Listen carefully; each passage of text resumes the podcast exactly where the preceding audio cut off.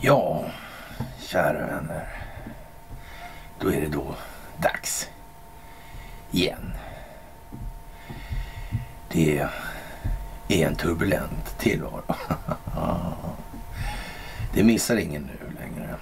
Optiken är klar. Det handlar om det största folkbildningsprojektet under planetens historia. Som baseras på en amerikansk stingoperation. Det här är någonting som genomförs globalt. Det gäller även Sverige med andra ord.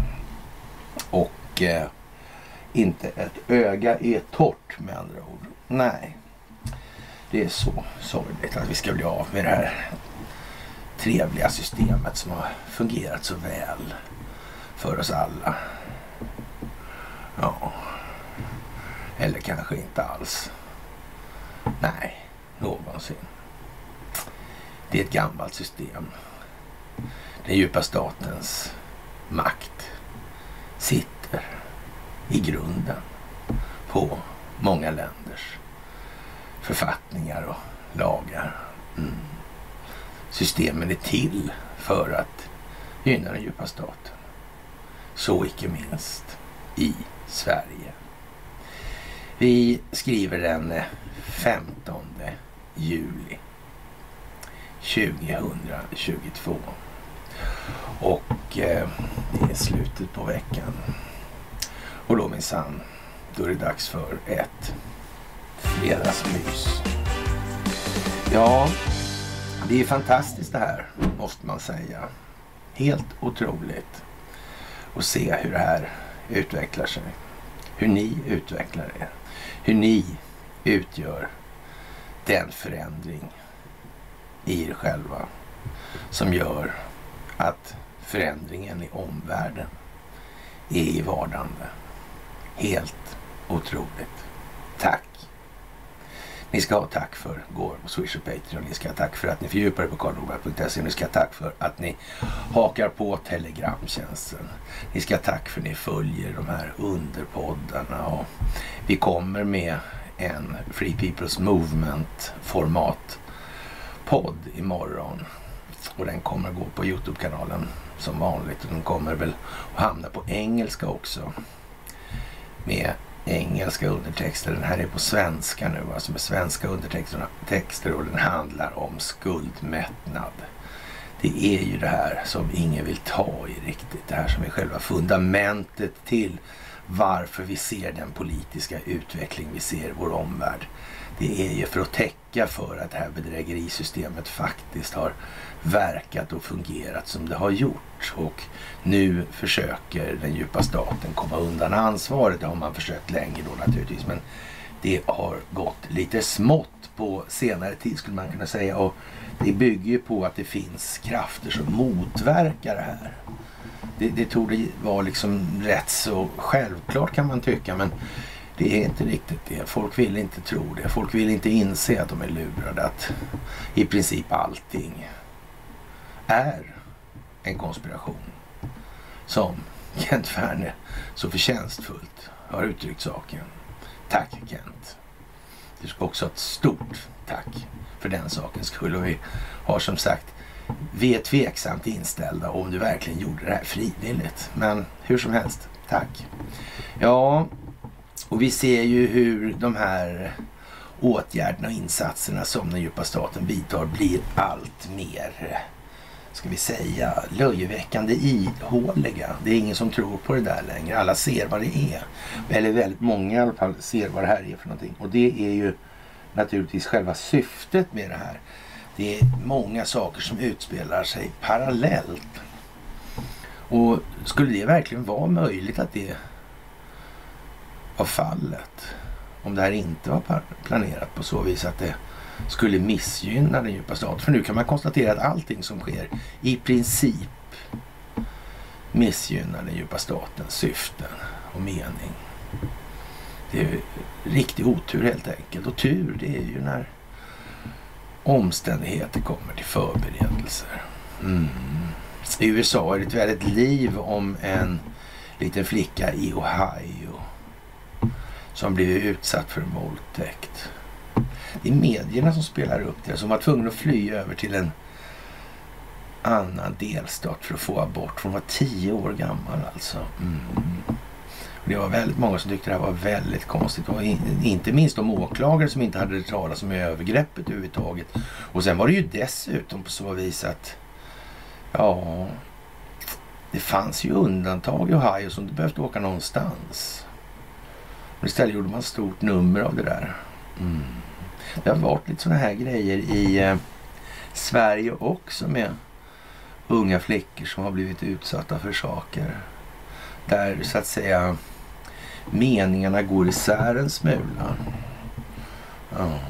Det har varit vissa otydligheter på olika håll. Alltså inte bara ifrån de etablerade mediernas sida i det här. Utan det har varit, även alternativrörelsen har börjat liksom säga massa saker. Så det, det där verkar ju helt uppåt väggarna alltså. Mm. Det är vidlyftigheter ska man kunna säga. Mm. Motsägelsefulla rackare också. Mm. Låter konstigt det där. Låter konstigt. Tänk att det kan bli så ibland. Mm. Ja, jag vet inte. Ja.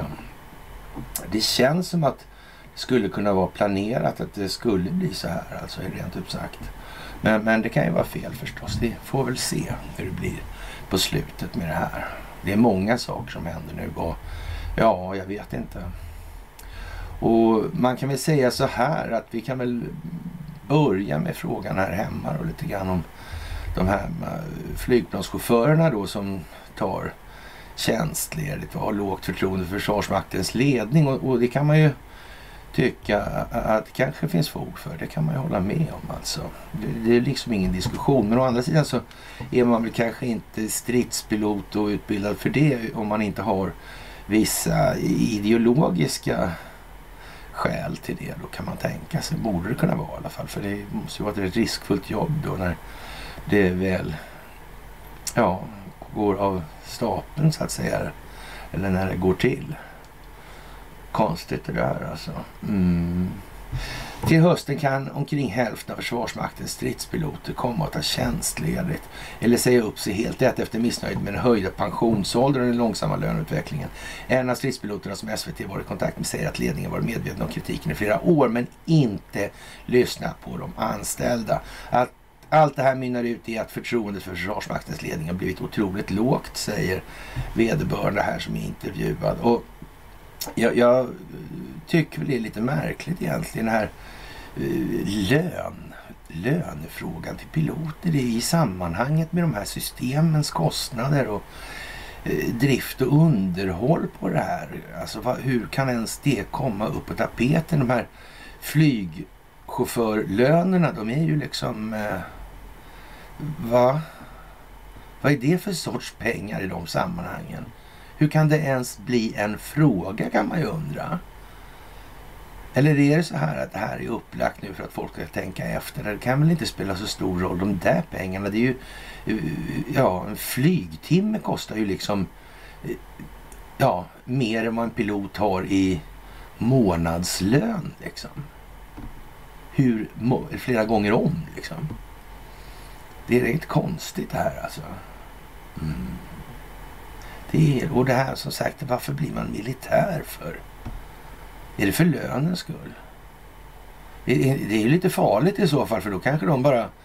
Ja, det är bara att skicka ett signalmeddelande till flygplanet i fråga eller till den här och säga sen du får så här mycket lön av oss. Landa nu med dig. Schas, schas.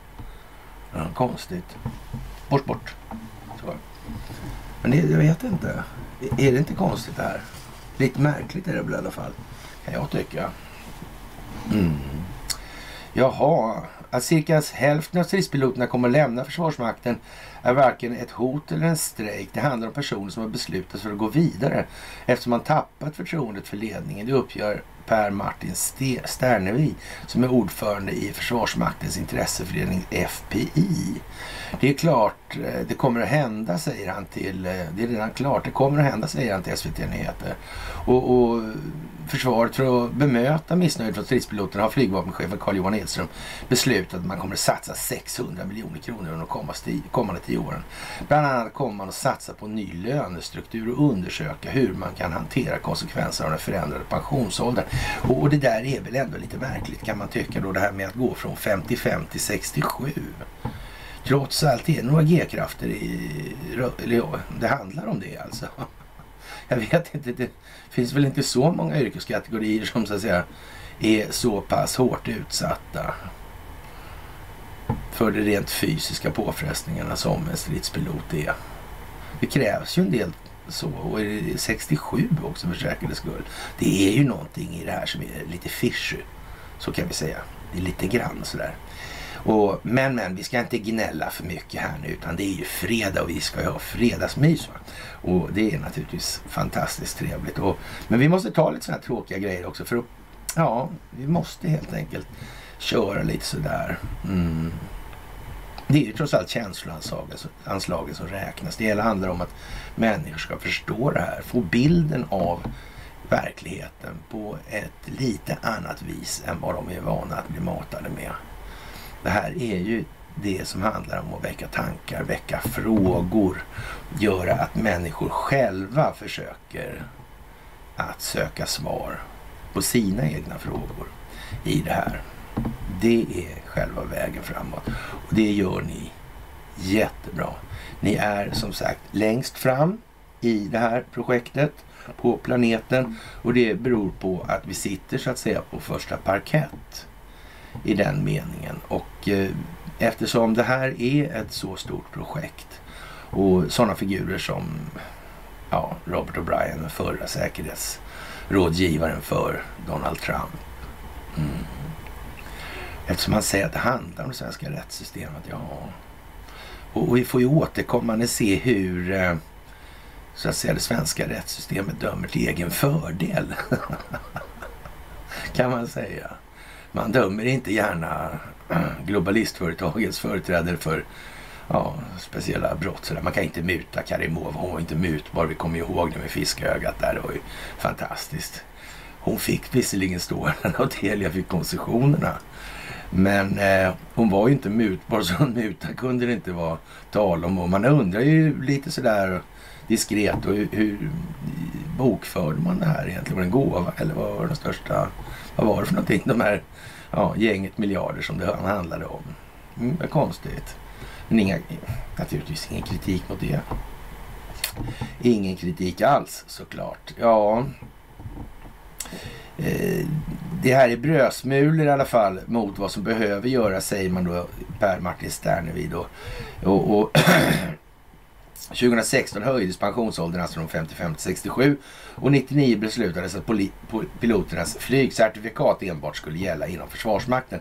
Det senare kan man säga är så här att förr i tiden, för länge sedan då kanske för 40 år sedan eller 30-40 år sedan. Då var det ju många som tog den här utbildningen eftersom den var betald. Då var det visserligen svårt att komma in men den, den var ju så att säga betald. Man fick lön och sådär redan från tidigt då.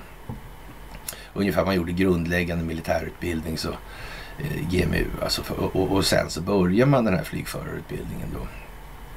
Och, och sen hade man lön då och sen kunde man kliva rakt ut till ja, reguljärflyget istället. Då, med, då kunde man få mer, mycket mer lön. Men det här, och det har man ju reagerat på här nu då, då i, i, efter 40 år då. Och, och, bara det är ju liksom eh, lite konstigt. Borde det inte idag kanske upplysnings eller bildningsnivån hos de här flygchaufförerna, borde inte den vara så pass hög ur ett moraliskt perspektiv att ja, vad ska vi säga, mat och husrum borde väl nästan räcka. Men nej, men eh, principen ändå måste ju vara den att man, man ska helst inte vara soldat om man drivs av egna nyttomaximeringsintressen. Det, det är ganska dumt. Ungefär som en polis eller sådär. Mm. Eller någon som jobbar i rättsväsendet. Ska helst inte eller advokat kanske, det är ett populärt ämne just nu. Mm, vi vet ju inte riktigt. Vad kan det här sluta i? Mm, kanske någon har sett någonting i det här. som gör att man tycker att hela det här systemet i Sverige är lite, ja, lite konstigt, lite eljest. Kanske någon form av uh, fögderi måste så att säga införlivas eller införas. Och det kan väl gärna i och för sig ske då under så att säga lite mer dolda former kan man ju säga för att inte oroa för mycket innan dess att folkbildningen har nått en tillräcklig utbildningsståndpunkt alltså, eller bildningsståndpunkt. Mm, för de här ungefär 20 procenten, de andra 80 följer med. Mm. Det är ju så alltså. De som inte kan sätta ord på sina tankar kommer lite senare in på banan och bollen alltså. Det är bara så. Mm. Ja, det är ju eh, märkligt då för Försvarsmakten säger då att man har förståelse för frustrationen gällande de ändrade pensionsåldern och att de undersöker vilka alternativ som finns för att hantera konsekvenserna av förändringen. Och, och det är inte så att de här pilotutbildningarna är, är kostnadsfria för Försvarsmakten. Det är, det ju, det är de ju inte. Och, och, men den här lönedelen, det är ju som, som en skrattretande liten summa i sammanhanget. Hur kommer det sig att det blir så här? Det verkar ju helt otroligt alltså. Märkligt, märkligt, märkligt. Eller inte alls naturligtvis. Ja, och eh, vederbörande pilot som intervjuar här, han ska alltså plugga lite alltså. Och eh, ja, kommentatorsfälten nappar direkt och man får inte underskatta egennyttan minsann. Va? Nej, det får man minsann inte göra i de här sammanhangen. Det är det mest svenska av allting alltså. Mm, det är ju så. Och, och, det är ju som sagt det bästa sättet att få svensken att säga nej till en miljon. Det är att säga att alla andra också ska få en miljon. Frågan om du vill ha en miljon alltså. Ja, säger de då. Men säger man att alla andra ska få den också då skitsamma liksom. Mm. Ja, ja. Jaha, och eh, som sagt Amir Amdoni blir kvar i häktet. Hovrätten avslår överklagande. Det handlar om de här advokaterna som har eh, på något vis interagerat med kriminella nätverk. Och, och det här är, är, mycket speciellt faktiskt. Och det ska man tänka på när man tänker på det här med att det handlar om det svenska rättssystemet alltså. Och man, man, får nog säga så här, om det här sker parallellt då med jordens genom tiderna största stingoperation och det handlar om det svenska rättssystemet. Mm, då är det ju vad det är liksom. Och nu är det så här också att ja, Thomas Olsson, advokaten, är med i den här bilden och då kan man nästan vara säker på att det handlar om att skapa optik kring det svenska rättssystemet. Det finns inte så många eh, advokater som borde vara kända för sin vandel och handel. Men det finns några stycken och, och Thomas Olsson förefaller vara en sån. Mm, det finns en herr Samuelsson också som ofta hamnar i konstiga sammanhang på grund av det där. Mm. Men, men eh, otadliga faktiskt. För annars hade de inte, då hade det gått ja, på patrull. Det är alldeles säkert alltså. Och, och, vi kan nog vara eh, ganska så säkra på att det finns skådisar i det här alltså det här folkbildningsprojektet, även för svenskt vidkommande. Och det handlar om att exponera den djupa staten och skapa optik kring vad är det här egentligen? Vad är det som har varit? Hur kommer det här sig? Och då handlar det ju inte bara om att peka ut ett gäng ja, moraliskt skitnödiga advokater. Det finns hur många som helst advokater. Mm. Det där är lite udda kan man nog minst sagt, eller milt uttryckt, säga om den saken. Ja. Mm. Och så kan vi vara säkra på att det här med geofencing och spatial data det finns med i den här ekvationen. Lite grann som det har att göra med den här Encron-chatten och sådär. Mm. Och det, det är ungefär som med Bill Bar och med en rad andra förmågor i amerikansk politik och i det amerikanska rättssystemet. Och det måste spelas roller, det måste spelas teater. Mm. Och fällan kommer slå igen runt det svenska rättssystemet och väldigt många kommer hamna på fel sida om staketet vad det här lider. Det är liksom ingen diskussion om den saken, så är det bara. Mm. Vad är det för lagstiftning då? som vi har att rätta oss efter i så fall. Då. Om det är så att Sverige ingår i det här ja, geopolitiskt koordinerade folkbildningsprojektet som tar sin grund i den här stingoperationen som har att göra med valet i USA. Och som vi har sagt, och det kommer någonstans ifrån Ukraina och det här. Och började och sen så kommer en stor våg mm, från väster och så kommer ljuset från öster. Solen går upp där ofta. Mm. Det kan vara så. Det kan vara så. Vi får se vad det blir. Mm. Som sagt, med lite dramatiska fritagningar och försvinnanden på det här så blir det nog party vad det lider. Techjättarna, det moderna krigets stridsvagnar. Mm. Eller ska vi säga indirekta eld. Ja, för att hålla oss till gammal militär terminologi. Slagfältets drottning. Mm. Ja, ja. Techjättarnas värde utan bottar. Hur går det egentligen för Twitter? Senaste halvdygnet så har det väl inte gått så där jättebra? Va? Har det gjort det? Det har till och med gått så dåligt så, så det är tveksamt om man ens kommer in på Twitter på biltelefon. Jag gör det inte i alla fall, det är helt säkert. Mm. Mm, konstigt det där alltså. Mycket märkligt. Influencers om det nya flödet. Det här nytt flöde då i hos de här techjättarna i många fall. Det är andra algoritmer. Och, men som sagt, utan de där bottarna så blir det ju lite knöligt. Är de här så vansinnigt populära? Bloggaren Kissy där med 310 000 eh, följare. Ja. Ungefär 3 procent av Sveriges befolkning. Jag har ingenting mot Blondinbella för hon hade ju 50 miljoner om dagen. Eller sådär. Mm. Ja, ja, ja, ja. Och kanske var så. Ja. Man får nog se liksom proportionerna lite där för att förstå hur det här egentligen ser ut och fungerar. Mm. Och då måste man ta det här i väldigt små bitar för annars blir det alldeles för mycket. Då kvävs folk av storleken på tuggan av elefanten helt enkelt. Ja, att vara influencer på andras plattformar är lite som att vara cirkusartist alltså. Ja, det är ju det. Schamaner, estradörer, opinionsbildare och så vidare. Är det rimligt att tro att de här äh, techjättarna som är skapade och så vidare av underrättelsetjänstkollektivet inte har haft som syfte att eh, gynna den djupa staten? Är det verkligen rimligt? Ja? Är, är, är, det, är det trovärdigt att man inte har använt de här tänkjättarna för att fördumma människor? Ja. Problemet kom ju när människor använde de här plattformarna för att kommunicera med varandra på horisontalplanet. Då blev det ju katastrof. Ja, det blev helt fel alltså. Vad skulle man göra? Man kunde inte stoppa det liksom.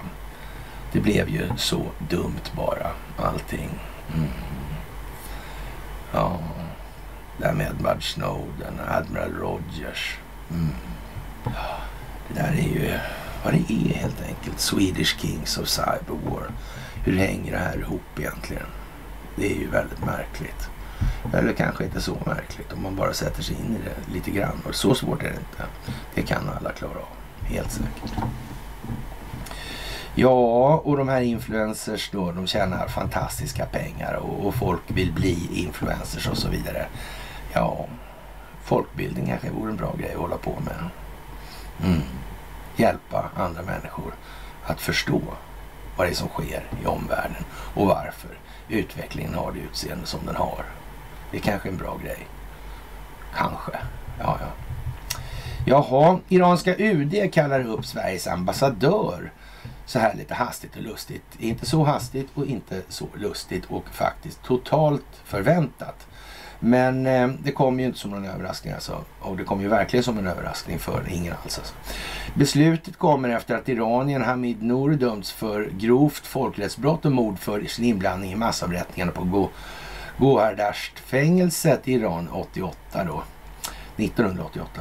Han dömdes till livstidsfängelse av Stockholms tingsrätt på torsdagen. Enligt domen ska Hamid Nouri ha fört fångarna till en dödskommitté som beslutade om avrättningarna och har fört dem till platsen där de dödades. Även den iranska ambassaden i Stockholm kritiserar domen och kallar den för grundlös och politisk enligt Sveriges Radio. Rättsprocessen har varit omfattande och väckt stor uppmärksamhet internationellt. Hundratals personer firade domen mot Nouri utanför tingsrätten efter att domen fallit. Exakt hur många politiska fångar som dog i Iran 1988 är inte känt. Men enligt bedömarna kan det vara mellan eh, 3000 och 30 000. Okej. Okay. Det var främst personer som tillhörde oppositionsgruppen Folkets Mujahedin och vänsteranhängare som dödades. Och jag vet inte vad man ska säga här egentligen. Men det låter ju lite grann som att man, det ligger i farans riktning att när det gäller de här eh, eh ja, eh, domarna som svenska rättssystemet strör omkring sig så här alltså. Mm. Det, det, är ju lite sådär att man kan väl konstatera att det svenska rättssystemet har en förhållandevis, förhållandevis lättsinnig moralisk hållning eh, i de här sammanhangen. Och företrädesvis så, så lutar det alltid eh, dit det rullar. Mm, så kan vi säga.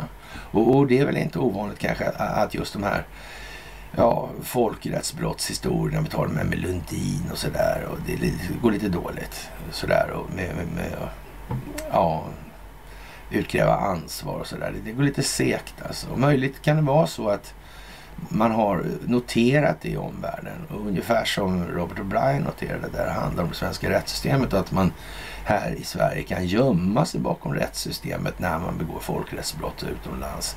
Medan vi å andra sidan är jävligt pigga då på att agera så att säga rättsskipare när det ska gynna svenska ja, globalistintressen. Mm. Men är det inte konstigt? Hur det blir ändå alltså. Mm. Det är dags för lite själslig utveckling. Det är dags för lite självbildsrevision helt enkelt. Den knackar på dörren nu alltså. Jag hör knackningarna hela tiden. Det är någon som vill in alltså. Det är så det är alltså. Befolkningssjälen den rister och skälver i sina grundvalar som består av en brulépudding i en mikrovågsugn. Alltså det börjar bli lite skakigt här nu. Mm. Ja, ja, ja, ja. Sådär. Och, och upp ur hålen på Estonia då kan vi konstatera att estoniska, eller estniska premiärministern Kaja Kallas har just avgått. Alltså. Och det är, är ju då, eh, följer på då hack i häl då på, på eh, Eh, tillkännagivandet om, att Mario Draghi försöker vika av in på egennyttans väg och klara arslet så gott han kan då från en ganska så påtaglig stolgångsockupation. Och, och, och, det där, ja, nu sa ju presidenten nej till, till Draghi, men det hände samtidigt alltså. Är det vanligt att de här, och Boris Johnson avgick ju häromdagen då. Mm. Men han spelar nog mera för att vinna än vad de här gör. Mm. Men, men det ser ju värre ut naturligtvis. Det gör det ju. Mm. Ja, ja. Ja. Det är ju lite speciellt. Ja, och så blev ju ja, Shinzo Abe, han blev mördad också där. Eller om han blev mördad. Det är ju kanske delade meningar om den saken. Men whatever i alla fall. Det är en symbolfigur för det här tidigare. Han hade sin farfar där, eller morfar var det. Mm. Sådär, och så hade han groparna och allt det här. Det har vi pratat om hundra gånger. Det rullar dit det lutar och som sagt, det går ju inte att alla bara tänker på sig själva när det här osänkbara skeppet nu sjunker. Alltså Mario Draghi, han får kvarstanna på platsen efter, eftersom presidenten avvisar hans då, ja, avgångsförsök där. Mm.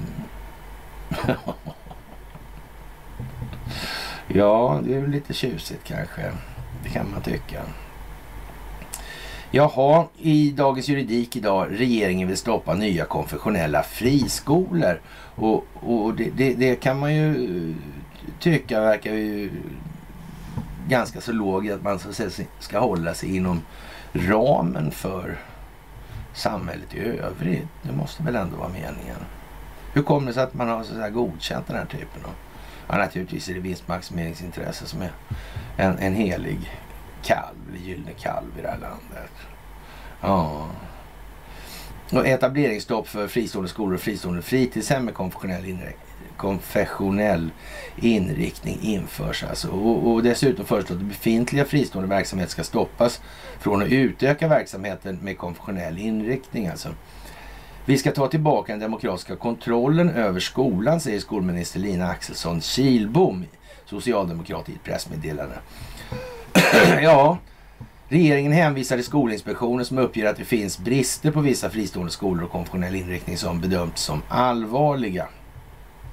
Och det kan man väl eh, tänka sig att det här med lika värde och, och, man inte ska börja med att se saker i termer av indelningar först och främst. Det skulle man ju kunna tänka. Kanske skolan skulle vara en eh, samhällelig angelägenhet helt och fullt. Alltså kanske den ska hållas utanför den typen av indelningar. Ungefär som rättssystemet, den polisiära verksamheten, den militära verksamheten och så vidare. Det kan ju finnas en poäng med det faktiskt. Mm. Det är nog bra att tänka på det sådär lite grann numera. Jaha, och Liberalerna vill eh, se krav på rutinerade advokater i grövre brottmål i dagens juridik för en stund sedan också. Och, och det kan man ju kanske eh, ja, finna en viss mening i, för man säger det lite blygt alltså. Och, och, men, men det är ju trots allt så här att oseriösa aktörer, vad är det för någonting då? Ja, det är ju de som pysslar med enskild maximering i någon form av excess då. Alltså överdriven. Mm. Men det ligger ju ändå i sakens egen natur. Det handlar ju om att då ska ju man så att säga definiera så här mycket enskilt nyttomaximerande får du vara, individen. Mm. Det verkar jävligt konstigt alltså. Det verkar liksom vara... Ja, det måste nog vara bättre att klara ut det här med syfte och mål med verksamheten. Och, och sen får väl vederbörande så att säga ta ställning till om huruvida det är någonting man fortfarande är intresserad av eller inte. Det verkar helt tokigt att gå någon annan väg. Sådär. Ja, men eh, ett litet... Eh, ja, de välkomnar i alla fall Advokatsamfundet föreslagna höjning av maxtaket för straffavgifter. Men anser att det brådskar att ta till fler och konkreta åtgärder för att komma åt de här oseriösa aktörerna. Och, ja, vad ska man säga?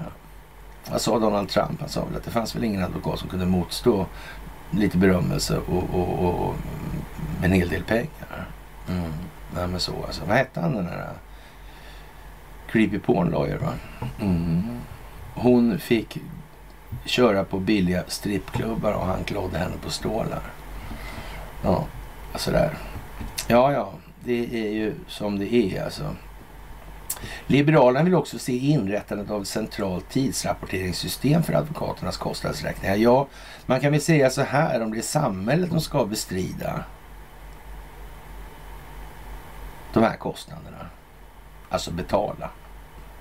Är det fullkomligt orimligt då att man har så att säga e-, ett kostnadsunderlag som i alla fall kan misstas för att vara seriöst. Och då kommer den omvända frågan nu naturligtvis. Hur, hur kommer det sig att det inte infördes från början? Tänkte man då att advokatyren som sådan, det var liksom, varför hette det brännvinsadvokat för? Det finns väl ingen med, som har haft närmare kontakt med det skrået som inte har klart för sig att de är bara människor som alla andra. Att det här är någon form av moraliska föredömen. Men alltså, kiss my ass. Alltså det, ja, det där är ju fantastiskt alltså. Hur fan har det fått gå klart? Ja, det kan man fråga sig. Kan det bero på att systemet som sådant har medgivit det? Och att det är så jävla ruttet och dåligt. Kan det vara därför? Kan det vara av någon annan anledning? Kanske man mer rättmätigt ska formulera frågan. Det är inte jag så säker på faktiskt. Ja, sådär.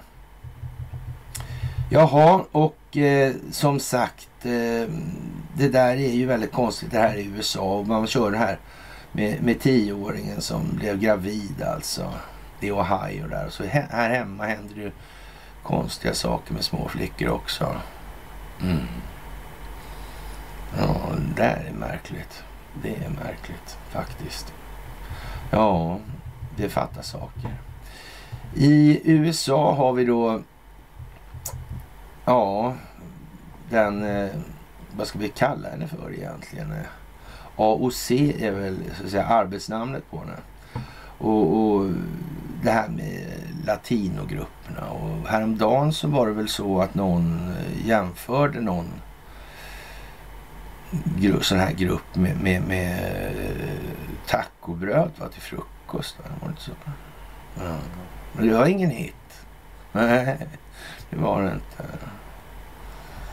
Mm. Och nu har vi den här Ocasio Cortez. Alltså, hon är arg alltså. Undrar om det här med, med, med polisen i Kapitolium. Mm. De öppnar ju dörrarna. Säger hon ju rakt ut nu. Och, och det ser inte så bra ut. Hon är ju demokrat. Och, och de som håller på henne, de yngre generationerna, de kommer ju naturligtvis tycka att det här är inte alls lyckat. Vad fan är detta för skit liksom? Ja, oh. vad kan det bli av det här? Vad kan det bli av det här? Det, det, det är uppenbarligen att det är väldigt, väldigt motsägelsefullt när det handlar om de här partikulisserna. Det är bara så. Här i Sverige gör då Sverigedemokraterna eh, upp med en vitbok alltså. Mm. Vad sägs om att göra upp med frågan om att eh, bankernas pengar styr en ekonomi som kontrollerar politiken? Mm. Folkbildningen i det. Skulle det kunna vara något? Ja, vem ska göra den då? Ska vi andra göra den och sen så... Ja. så tar det där jävla gänget och skaffar sig ett par höga löner för... Ja, vilken nytta då? Mm. Sätta stopp för de migrationsrörelser som skapad av samma globalistintressen som de kategoriskt vägrar att kritisera. Är det seriöst ens det här? Är inte det här riktigt jävla marknadsgyckel nu? Det skäms inte. ja, ja.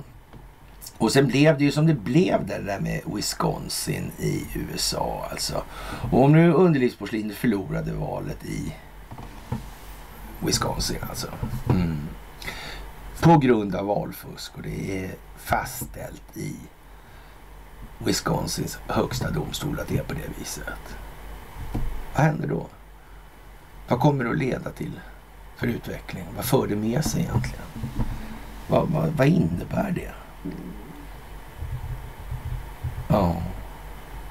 Det var ogiltigt med de här uh, valurnorna, om vi säger så, poströstlådorna. Mm. Det stred mot konstitutionen, det stred mot deras vallagar. Mm. Blir det här bra då, tro? Kanske det finns fler som de används på. Mm. Kanske finns massor med sätt som det här går att belägga på nu. Mm. Man väntar på någonting, man väntar in någonting. Donald Trump sa häromdagen att han kanske måste fatta ett beslut här nu. Ja. Eventuellt tidigare än man hade tänkt sig. Mm. Ja, det är nog svårt att tro att han tänker kliva på före eh, januari. Det är det nog. Mm. Frågan om man hanterar tiden fram till dess. Om de börjar säga att eh, Joe Biden har fuskat redan nu. Då är det ju som det är naturligtvis. Och hur hanterar man då det? Mm.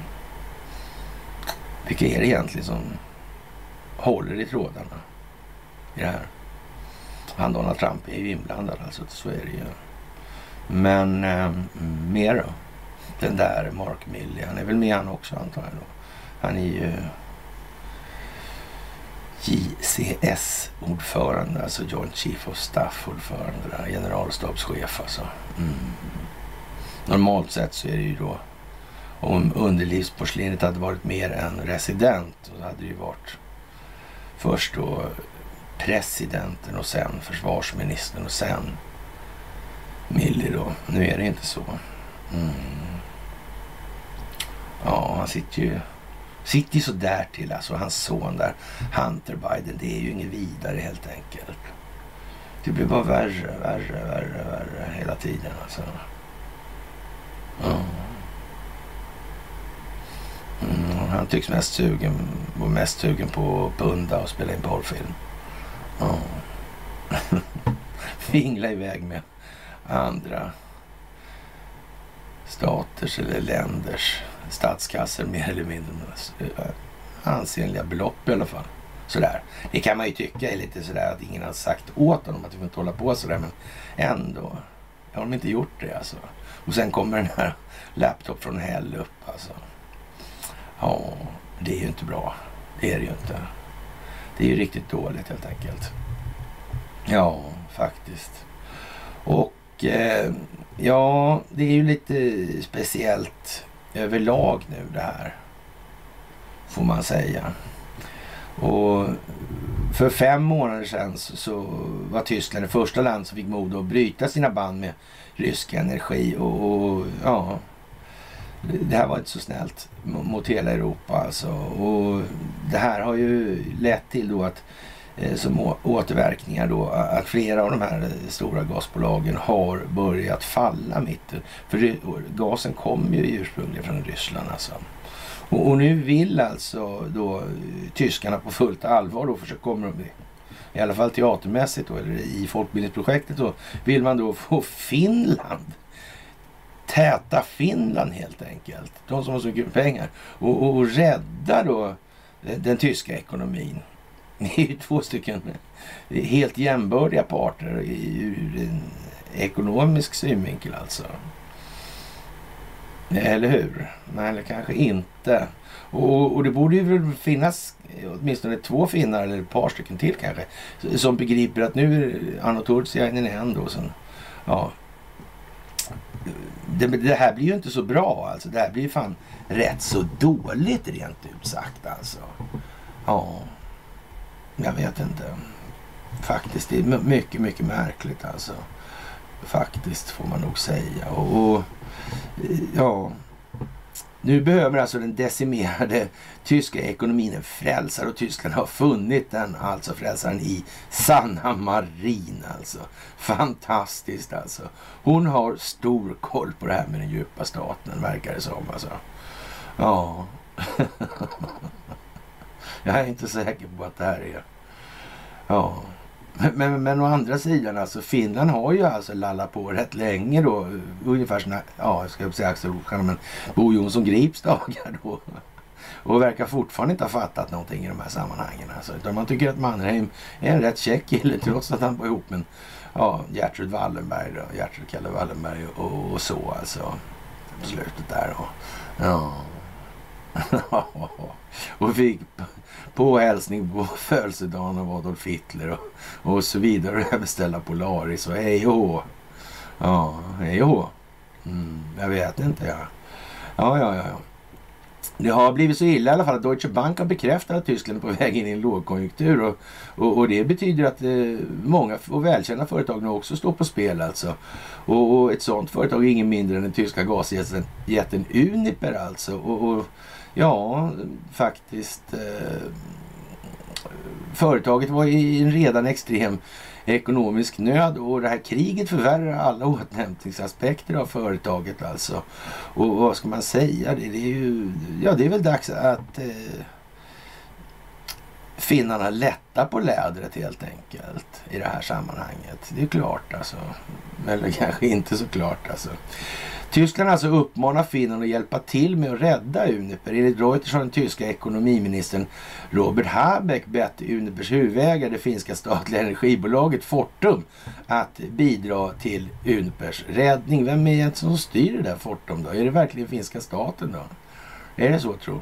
Ja, undrar det ja. Undrar det ja. Mm.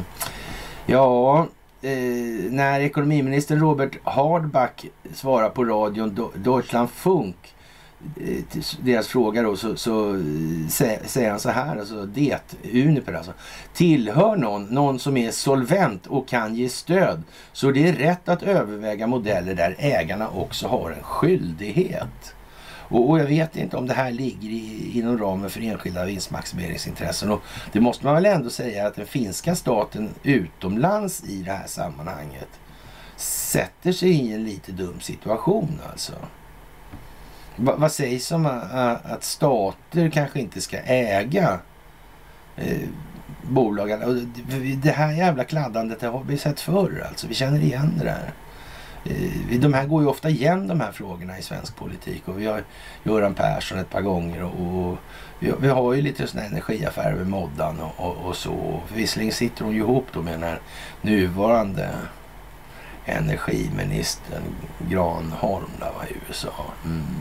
Men det känns som att de här grejerna är ganska så sent tillkomna. Det känns som att det skulle kunna vara riggat just för att skapa en optik Ungefär som det här med de här två advokaterna som har dömts till fängelse och inte kommer släppas. Alltså.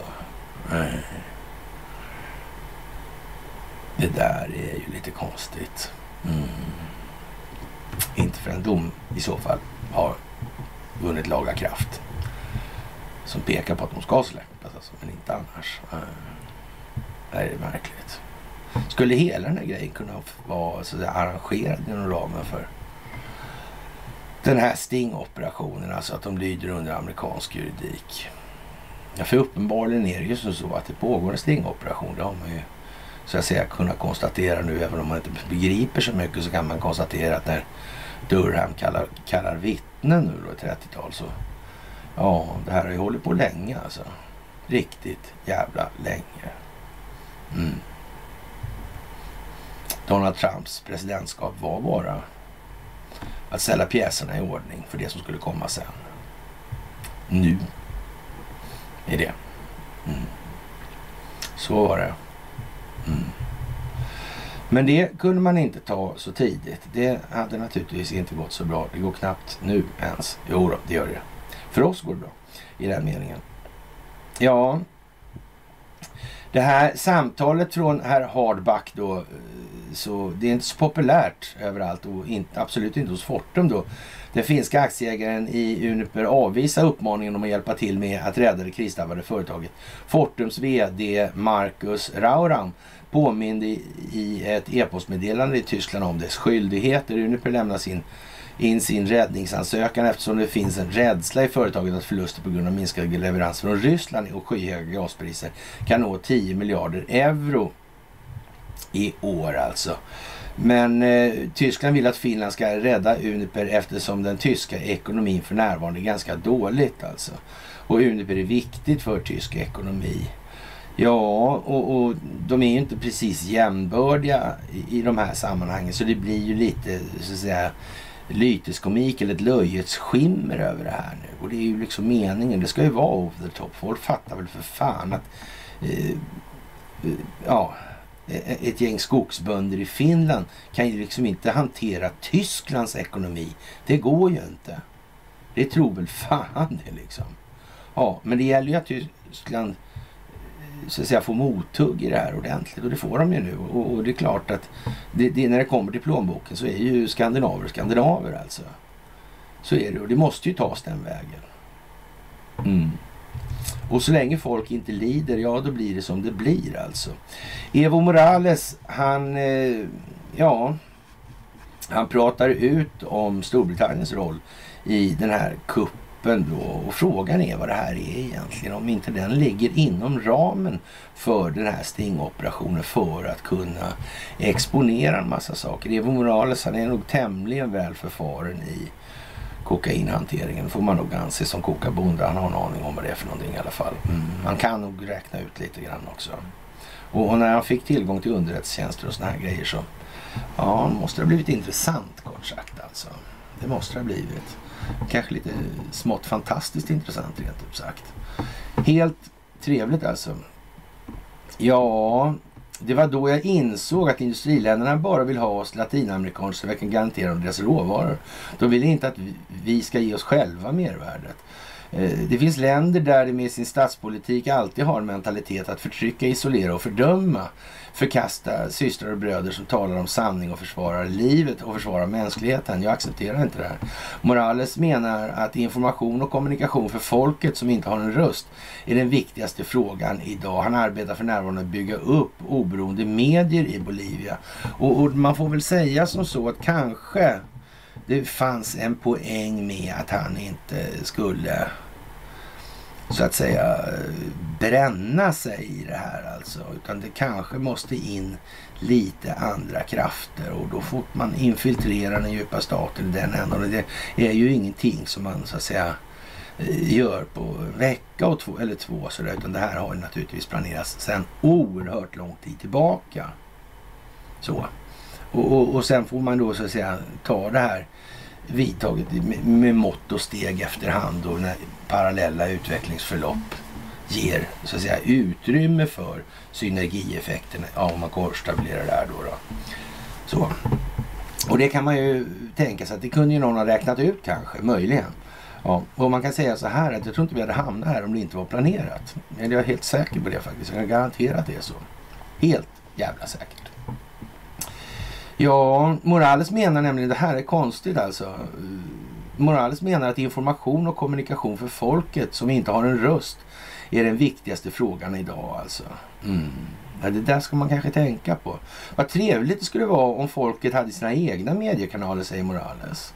Den här, här, det här är en utmaning som folket har denna media vi har som tillhör imperiet eller högern i Bolivia, Eh, så är det i hela Latinamerika och vi kan, kan ju trösta sig med om det är ju knappast en tröst i och för sig då att så är det på fler ställen skulle man kunna säga. Eh, den här, den här då, ja, hydran då, det vi ska kalla den för, den försvarar sina intressen och de är aldrig med folket de intressena. Det är alltid enskilda nyttomaximeringsintressen.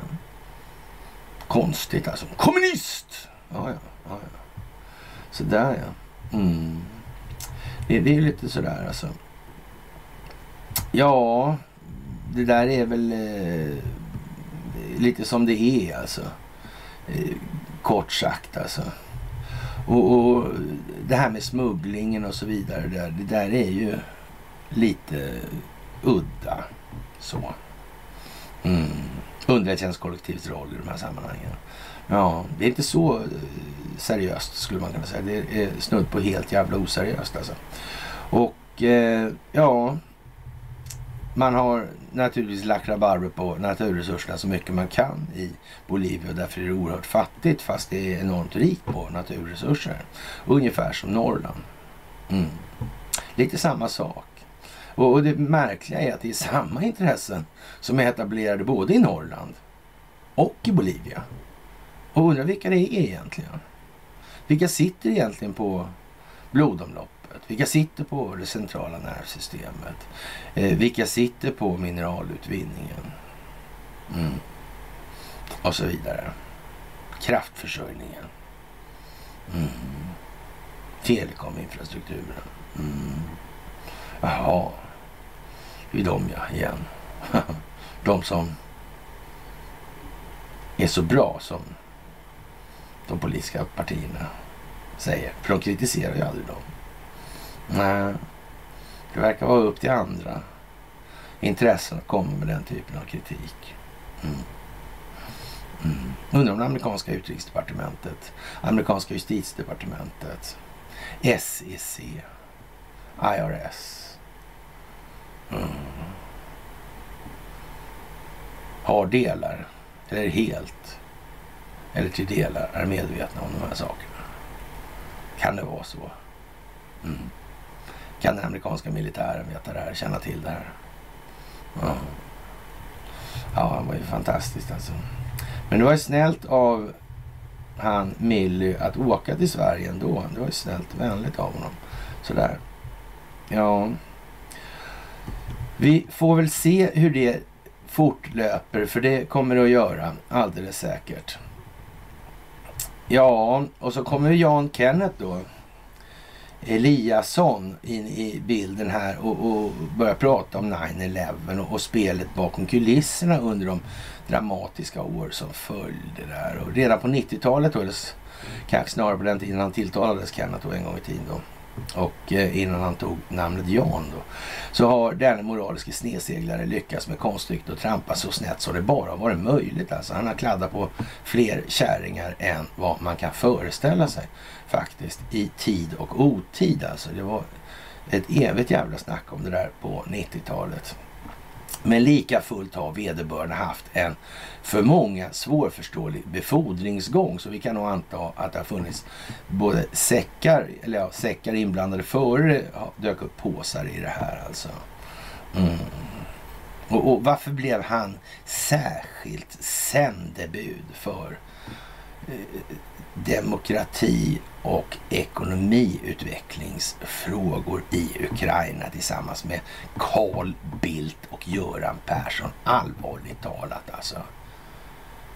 Är inte det ödets bittra ironi? Jo, det fattar vem som helst. Alltså, det är ju trallgökarnas trallgökar i det här, naturligtvis.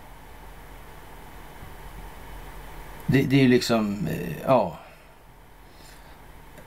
den lätt pompöse glesbygdstarsan från Vingåker eller Vingåkers Machiavelli då.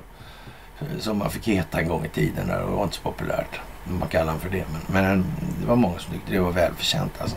Helt enkelt. Carl Bildt behöver han förklaras med sina förehavanden i Lundinsfären och eh, utvinning av mineraler och grejer i restjugoslavien och för olika förehavanden på den afrikanska kontinenten där med, med ja, oljebolagen och för all del de här små, små bolagen som tog hand om koncessionsrätten och mut, skötte själva mutandet där i det där. Hur var det egentligen nu med de här historierna med den här narkotikan som finansierade sådana här utvinningskoncessioner? Hur var det med det där egentligen? Det, kom, det har inte heller kommit upp riktigt. Kanske det är på gång va? Det, jag, det, brukar, det såg ut så här. Det verkar ju vara lite på G igen här. Mm. Det är mycket speciellt. Det är väldigt, väldigt många olika perspektiv som konvergerar nu här. Mm. Vi är tillbaka på kurs mot ja, den inflektionspunkt där självbilden kommer ta sin tribut på den svenska befolkningen. Mm. Det bryter liksom igenom skalet, det går inte att dölja sig längre. Ljuset från verkligheten når de mörka, skumma vrår som svensken i gemen bär på. Mm. Den ihåliga själen. Mm. Oron, stressen. Mm. Ångesten. Ja, jag vet inte egentligen om man ska säga så mycket om Jan Eliasson så, så tillvida. Han, men det här med att han tar upp det här med, med Al Gore och valet där med George Bush. Och, och det här krånglet som var. Och, och, det var väl lite märkligt det där, var det inte så? Mm. Och Högsta domstolen fastställde det där. Det, det, det, måste ju ha varit så att det där måste ju någon ha upptäckt alltså. Det kan ju inte Jan Eliasson varit själv om att upptäcka det här. Eh, det, så spantad är han inte helt enkelt. Han är ingen stjärna. Han är nog snarare en rätt så medelmåttig typ skulle jag säga. Eftersom han är i det här systemet och inte bestämmer ett skit själv utan bara gör som han blir åtsagd. Mm. Han får se, nog, nog som tämligen medelmåttig ändå. Det är nog svårt att se som någonting annat. Man kan väl visa handen på hjärtat också. Det blåser det snålt och det är, det är äventyrligheter på gång. Alltså då, man säger så här, ställer man upp de där, eller den där trion alltså. Det är ju ingen anfallskedja om man säger som så alltså. Det är inte i motgång kliver ledaren fram. Nej. Däremot så kan man tänka sig att alla tre har liksom en eh, lite, det är lite står lite som en är eller en aura kan vi säga. Eller kanske till och med en corona i tiderna som dessa. Eh, Av förräderi, dubbelhet, mm. rädsla. Det luktar på långt håll. Det är tydligt vad det är för typ av människor. Hur de är disponerade rent moraliskt, hur deras känslomässiga kompass ser ut. Ja, inte så pjåkigt för en arbetargrabb från Vingåker, sa Göran Persson om sin egen materiella resa. ja, vilket jävla uttalande för någon som har gått i bräschen för solidaritet och broderskap. Jo men tjena liksom. Han måste vara ja, den spontana reaktionen var nu jävlar är det någon som har kniven i ryggen på honom alltså. Mm. Vem såg det här oskickliga alltså? Nej, jag vet inte. Men jag vet inte. Det kan vara som det är med den saken. Ja, mycket är det som händer och det är ju fantastiskt som sagt. Och imorgon så kommer vi med det här Free People's Movement-formatet med ett klipp om skuldmättnad. Och, och, vi måste ju bredda den delen här och nu. Och, och som ni vet så är det ju eh, ingen som gör någonting förutom vi i det här. Det är en del som säger att de gör någonting i det här. Men, men det här med att förklara någonting egentligen av någon mer sammansatt natur, det kan man säga, det är rätt så torrt. Det är tunt på den fronten alltså. Så det är ett antal som har lärt sig repetera, men ja, det sitter liksom inte på det sättet i grunden. Det ser man ganska snart när man ser diskussionerna. Och vi måste bli bredare i den delen alltså. Jaha, och eh, nu har man gjort undersökningar då eh, i eh, USA och visar då att republikanerna eh, kommer att vinna eh, ja, både kongress och senat i november. Och det innebär då att både medierna och demokraterna kommer liksom drabbas av en massiv härdsmälta. Senast då alltså. Senast då. Det kan ju vara så att det blir aktuellt med ett militärt fögderi på bred front. Eller då kanske bara nationellt i USA. Vi får se hur mycket skit och djävulskap som kan dyka upp längs vägen. För de kommer ju naturligtvis inte, de här människorna som har betett sig så jävla illa. De kommer inte bara lägga sig ner med platt på ryggen, alltså med magen åt armarna eller halsen i vädret och ge sig. Va? Så kommer det inte att bli. De kan inte förlåta sig själva. De kan inte föreställa sig att någon annan kan förlåta dem. För de andra vet ju inte ens vad de har gjort. Nej, och det vet de själva. Så det är ju liksom inte nära ens. Det är inte på banan för det. Och eh, ja, det är ganska så stora förändringar som kommer ganska så plötsligt. Alltså vi snackar alltså ett par månaders intervall här alltså. Och det här är ju jättestora saker. Största sakerna som har hänt. Och tittar man på det geopolitiska läget nu över ett bredare spektra då kan man konstatera nu att det är väldigt många som, ja, länder som i princip är ledningslösa alltså. Det hänger någonstans i något jävla vakuum alltså. Det är ju så. Här har vi eh, konstiga generalstabschefer som presenterar eh, ja, ja, det som ska föreställa statsledningen i alla fall. Eh, Ja, för fartygschefen på eh, ja, marinkårsfartyg. De som svär den här eden då. Semper Fidelis. Mm. Det är konstigt det där. Är det inte det? Det kanske det inte är så konstigt. Jag vet inte. Du hade den där flaggjäveln också. Kastellet. Just det. Och de här jävla tunnlarna. Överallt alltså. Mm. Mm. Kungsträdgårds, Kungsträdgårds tunnelbana ligger djupt. Full med konstiga symboler. ja, jag undrar varför. Undrar varför. Mm. Men det gäller ju att fatta att när man har sett en kuliss så ska man fatta att det är en kuliss. Man ska inte nödvändigtvis tro på att det är så där rakt av. För då, ja, som sagt, man kanske kan läsa på lite då. Jag vet inte.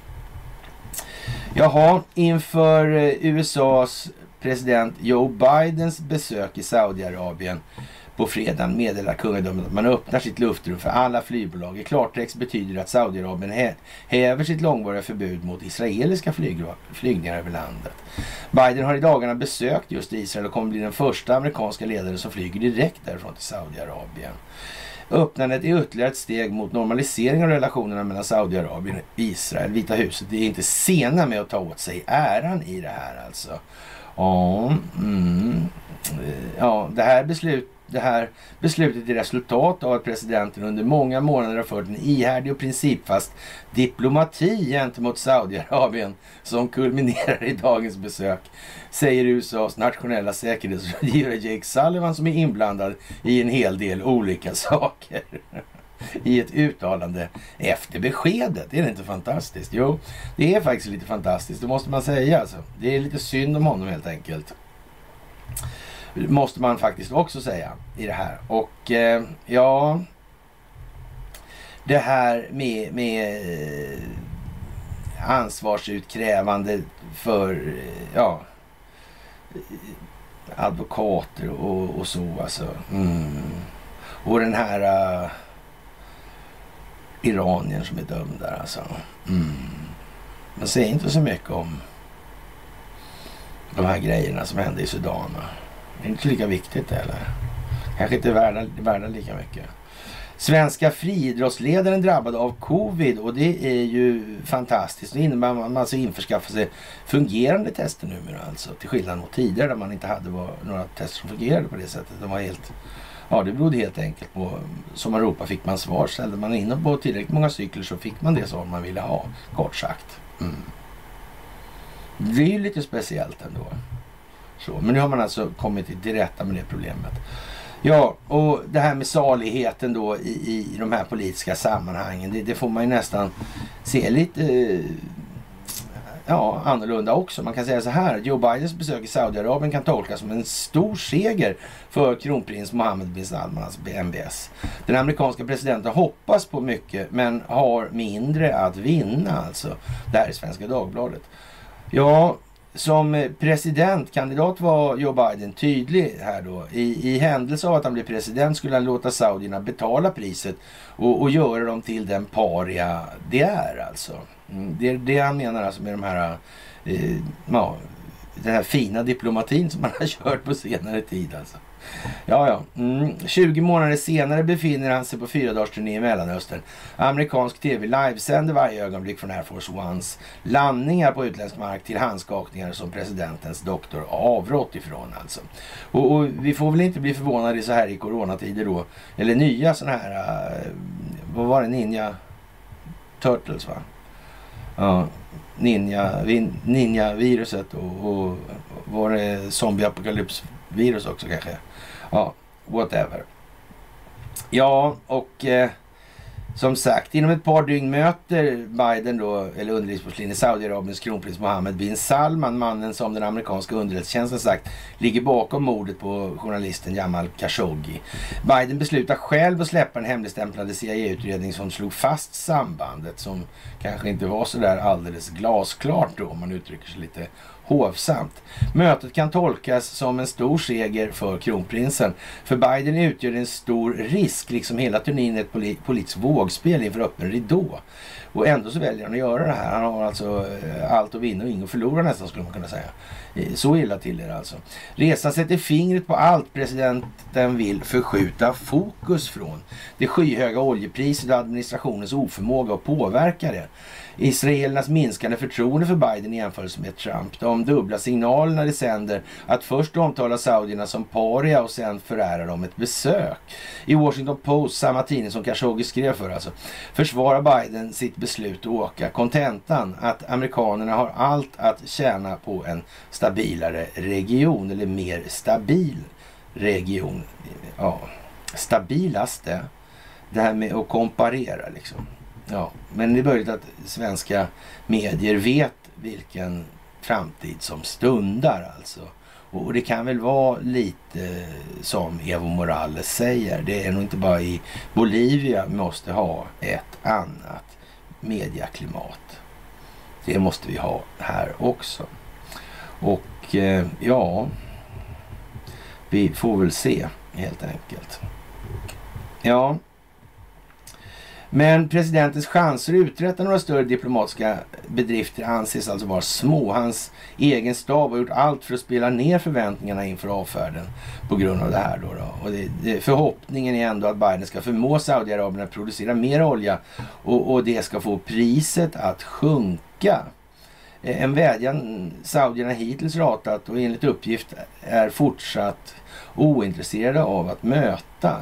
Alltså, Saudiernas relationer till både Kina och Ryssland har stärkts och saudiska tjänstemän har sagt att man inte tänker överge några allianser.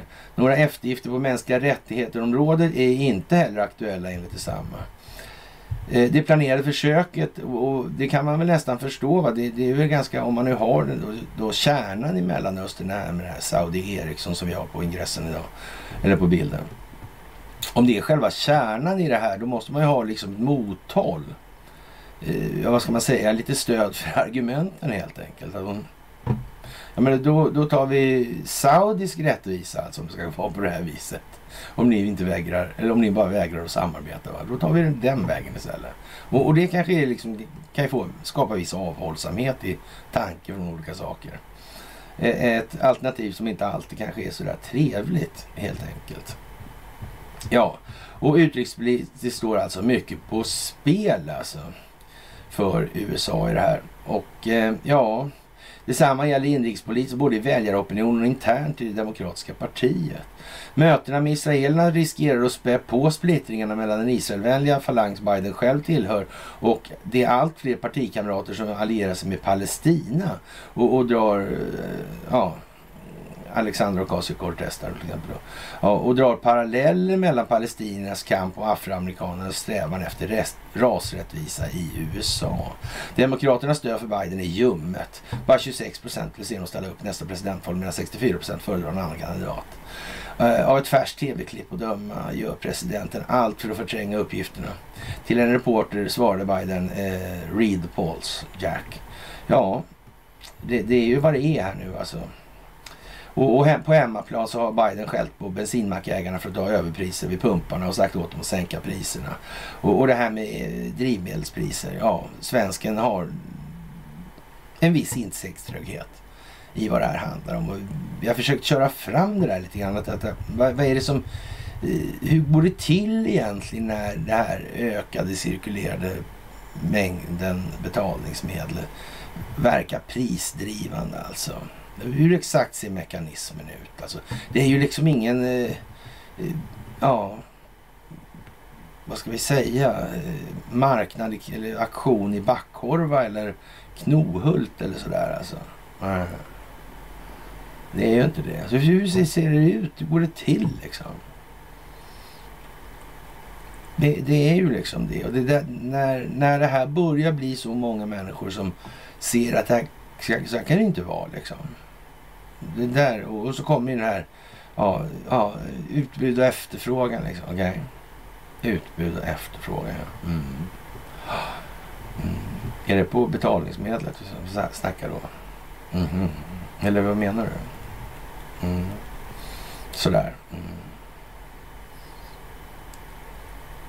Det där är ju lite konstigt. Vem är det som styr det där då? Mm. Är det Riksbanken? eller?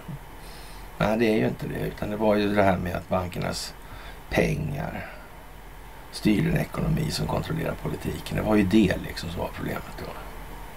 Mm. Men att, att, kunna de här olika grundläggande enkla teserna. Det tar ändå tid att få folk att förstå alltså. Det tar ändå tid alltså. Högsta domstolen stoppar utlämning till Turkiet. Mannen riskerar förföljelse alltså.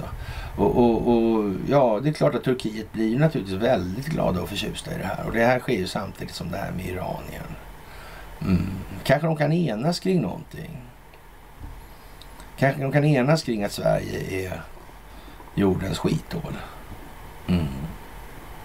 Ett svart hål, sa kineserna, när det kom till pandemin. Mm. För övrigt har de ju sagt att eh, den senaste tidens svårigheter och tråkigheter beror på att ett fåtal svenskar på ett brutalt vis lägger sig i Kinas inre angelägenheter. Det kan ju vara en sån sak också som är med i det här, i, den, i det ekvationssystemet. Menar. Det kan ju vara så. Mm. Man kan ju tro det i alla fall. Ja, eller också kan det vara så faktiskt. Det är bara så. Ja, ja, ja, ja, ja som sagt, viktigt att bidra till ansvarsutkrävande i dagens juridik. Och den här Stauffer som snackar för Civil Rights Defenders då, han, han glömmer ju alltså den här befolkningen i Sudan och, och, det kan man ju tycka liksom, ja, det är ju lite eljest alltså. Faktiskt. Mm. Någon ananism, det kan man ju säga. Och, och tre fingrar pekar ju så att säga åt andra hållet. De tre alltså. Ja, det är ju som det är helt enkelt. Och det är nog bättre att peka med hela handen om det är så. Och inte så småpeka sådär, peka finger. Mm. Det är det faktiskt alltså. Mm. Så, och eh, ja. Det är ju liksom... Eh, det är ju lite tråkigt egentligen att det fortfarande är många, man säga, som inte vill alltså. Och den här viljan alltså, den är ju eh, jättekonstigt grundad. Vad beror det på? Det är bara att eh, alternativrörelsen är maktgalen. Men nu sa inte jag att den är homogen, det sa jag inte. Det finns säkert rätt många där som är bara tycker att det är en annan chans än den de missade tidigare. Mm. Mm. Ja, vi har ju Marcus Oskarsson att luta oss på och han blev ju då tyckte det var väldigt viktigt med det här med Ivana Trump, alltså Ivankas mamma. Ja, det där är ju lite som det är och, och ja, han är lite speciell den där får man nog säga.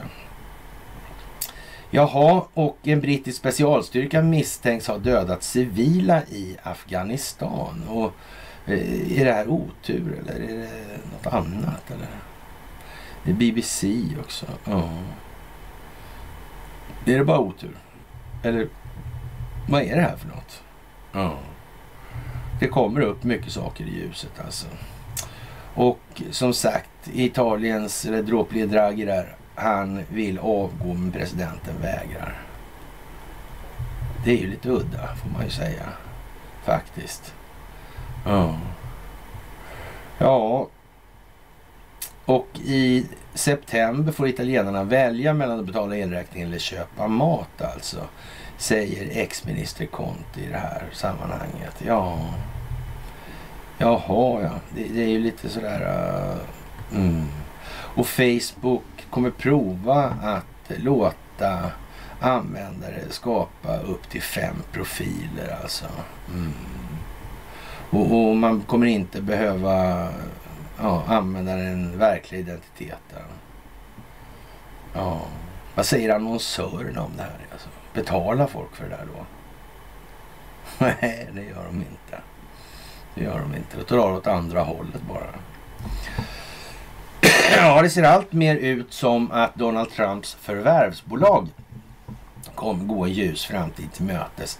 Och man förstår ju inte riktigt eh, sådär, eh, vad då förbjuda bottar? När man tillåter det här och sen kan det finnas så mycket bottar som helst. Det går ju inte att säga något om. Men vad säger annonsörerna?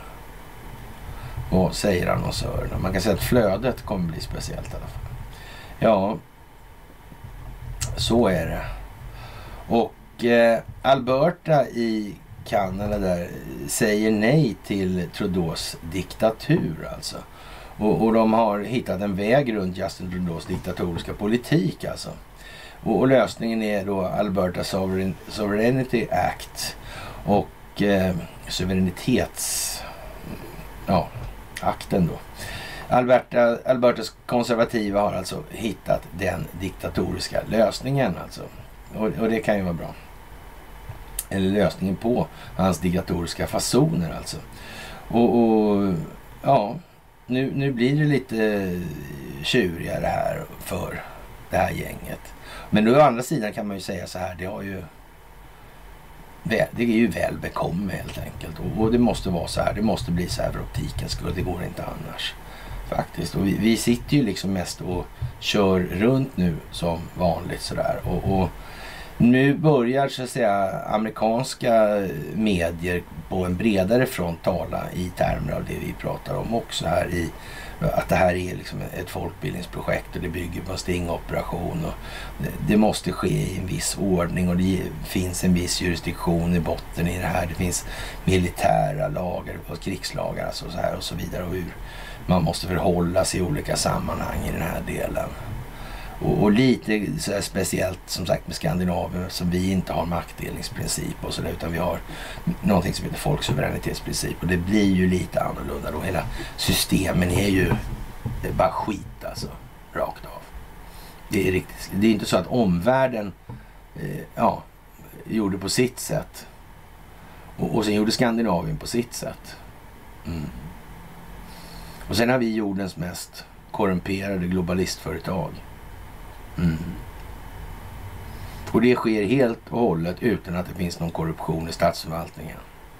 Mm.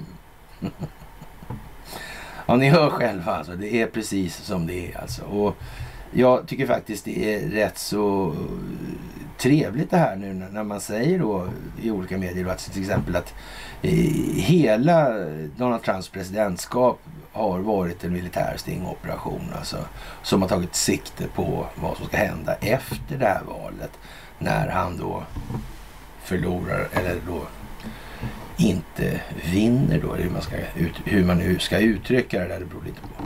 Så, men i alla fall, alla förstår liksom att Joe Biden fuskade och det var själva poängen för att så att säga rota ur den här jävla rötan. Mm, sådär. Ja, det är lite som det är alltså. Och Ukraina kapar banden med Nordkorea alltså. Ja, vad ska man säga egentligen?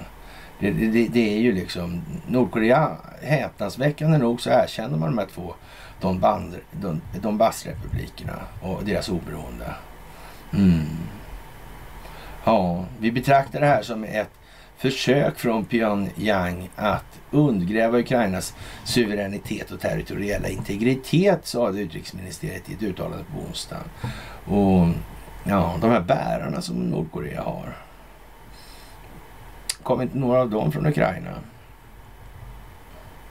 Mm. Mm. Ja, ja, ja. Mm. Kanske Kim Jong-Un vet jag också.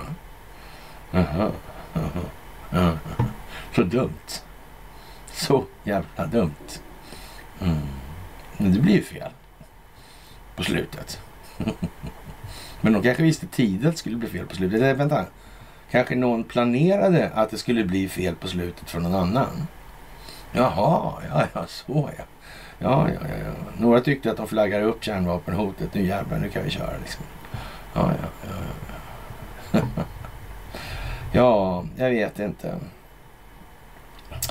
Uttalandet kommer i alla fall hur som helst efter att Pyongyang på onsdagen bekräftade att man officiellt erkänt självständighet för republiken Donetsk och Lugansk som bröt sig loss från Ukraina kort efter kuppen 2014 i Kiev.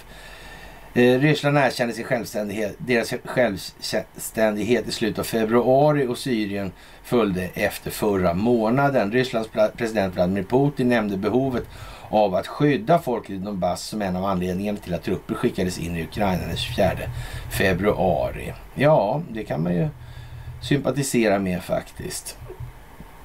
Sådär och eh, ja, det här med dieselpriset för, eh, ja, det kan man nog säga är ett tecken på dåligt omdöme från min sida helt enkelt. Ja, sådär. Och eh, hur exakt ser den mekaniska funktionen ut som gör att en ökad mängd betalningsmedel får prisökningseffekterna? Är det som aktionerna i Backhult eller hur fan fungerar det där egentligen? Och, och press på Riksbanken att agera snabbt. Hur går det till? Eller är det som det här med, eh, man säger då att, att det är någon form av eh, närmast kartellbildning eller, eller oligopolverksamhet då som pågår inom livsmedelshanteringen och livsmedelsindustrin. Mm. Dagligvaruhandeln. Handel egentligen, vad skapar det för någonting? Det skapar bara en enda sak. Alltså. Skapar fördelning. Sen hur den ser ut, det är en annan och ja, underliggande fråga, eller vad säga, överliggande i alla fall. Efterkommande. Men fördelning är i alla fall en del. Sen kan man påverka den här fördelningen på olika sätt naturligtvis. Och, och det ska man inte tro att man inte gör därför. För det, så är det bara. Handel skapar ingenting annat än fördelning. Mm. Hur den fördelningen ser ut sen. Det är liksom beroende på... Ja, men naturligtvis, vad är en handelshögskola? Det är en kyrka för enskild vinstmaximering. Det finns väldigt lite handel på jorden. Någonsin ens alltså. Som har byggt på eller bygger på altruism. Enskild nytta. Enskild nyttomaximering i grunden i det här. Men eh, som sagt, det är dags att ta ett steg i det här. Människan måste utvecklas. Individen måste utvecklas. För bara individens utveckling kan skapa samhällets utveckling. Så är det också. Ja, det är ju lite som det Och det har ni väl hört nu mig orera om rätt mycket skulle jag vilja påstå. Jaha, och eh, vad ska man säga? Barnhem och institutionaliserad korruption. Alltså det, det är ju... Ja, det här med, med ja, att man utnyttjar barn och håller på alltså. Mm. Och det här är ju enorma stora procentandelar av den totala traffickingverksamheten som utgörs av barnhandel. Mm. Det ska man tänka på. Och i det här finns då den här fantastiska organisationen Planned Parenthood. Alltså ett, en svensk draksådd liksom över planeten. Ja. Det är för jävla sjukt alltså. Det är Sverige, Sverige, Sverige, Sverige överallt hela tiden. Om, ja. Det är ta mig fan alltså. Så illa. Jaha, eh, Linde hoppas på ett turkiskt ja före nyår. Ja, det får hon väl hoppas på egentligen. Det är så. Och, och ja, regeringen hoppas på att Turkiets parlament senast till årsskiftet ska kunna ratificera Sveriges och Finlands medlemskap i militär, militäralliansen NATO. Och, och, man får nog kanske säga som så att eh, ja, det går inte att vara säker på det, säger Linde heller. Alltså. Och, och, ja, det verkar bli tjurigt nu med den här nobba och, och lämna ut den här gulen figuren. Det verkar inte vara så där skitpopulärt kanske. Nej. Eh. Och tänk om det börjar bullra nu då? Kanske måste till ett sånt där scare-event ändå alltså. För att få liksom befolkningen att skita i brallorna alltså. Mm. Måste minnas här. Mm. Samma sak det här med vaxet liksom. Det är frivilligt trots allt alltså i grund och botten. Ja. Det går inte att stämma dem. Nej. Det här är mycket speciellt alltså. Och som, det är som med barn alltså. Måste bränna fingrarna för att de ska fatta att de ska ge fan i att stoppa dem i elden. Mm. Men har man så jävla kvalificerat dåligt omdöme att man skjuter i sig saker som man inte har en jävla susning om innehållet av. Mm. Och det blir man rådd till att göra av ett gäng som med ett minimum av undersökande verksamhet kan fastställas till att vara minst sagt moraliska haverister. Just de också. Ja men den här jävla Pundar-Matti liksom. Tengil. Och så vidare. Ja, men vad, vad, vad, kom igen liksom. Hur kan det bli så? Och sen stoppar man dit ungarna också. Ja men då ska man inte ha några ungar om man är så jävla omdömeslös. Det är bara så. Det är ju liksom det det handlar om i det här. Och att det försvinner saker ur registren här, i de här sammanhanget. Ja, lycka till. Har man visat prov på så satans dåligt omdöme, ja då är det ju liksom vad det är. Och man kan säga så här, har man inte ens visat prov så mycket, på så mycket omdöme att man har kommit på kant med det här jävla skitsystemet som ändå är så uppenbart korrumperat över hela planeten. Ja, då kan man ju faktiskt fundera på hur man ska bli behandlad sen. Och man ska inte dra för stora växlar över hur positiva människor kommer att vara. Mm. Som sagt, det kommer finnas två typer. Det finns de som har försökt och som har gjort något. Och så kommer det finnas alla andra. Mm. Och det är bara det. Ja. Som sagt, eh, ja det där med NATO, det är ju lite beroende på vad som är vad här nu. Och, och det, nu har vi avtal med olika länder som Hultqvist har ordnat också i det här. Och frågan är som sagt vilken jurisdiktion som gäller egentligen i de här sammanhangen just nu. Såväl globalt som internt här i Sverige. Det är ju som det är alltså. Mm. Det är ju som det är. Twitter låg nere igår, ligger nere idag och det säger väl någonting kanske. Kan man säga också. Och eh, jag vet inte, glassproducenten General Mills, lite likt eh, Milly där alltså ändå. Ja, och i alla fall det handlar om Hägendas vaniljglass som på grund av kvalitetsbrister hos en vaniljextraktleverantör meddelar bolaget. Det handlar alltså om etylenoxider, det där som rör sig i tankvagnar på svenska järnvägar. Ja men vad i helvete, vad går det åt till? Det är inte så att de har lagt ner massa energi på att fördumma befolkningen. Utan det här gänget som är tvungna att hålla på som de gör nu. De har alltid verkat för att människor ska förstå mycket. Utbildningen har gått ut på det helt enkelt. Att de ska bli kloka, ifrågasättande människor. Jag menar, man får ju säga så här. Vad som nu framträder räcker långt väl, långt och väl alltså, till att konstatera att om de inte har upptäckt vad som försiggår själva, då är de så kategoriskt olämpliga för sin uppgift. Så, så det bara finns ju inte alltså. Och har de vetskap om vad de håller på med, ja då är det ju som det är liksom. Och ingendera...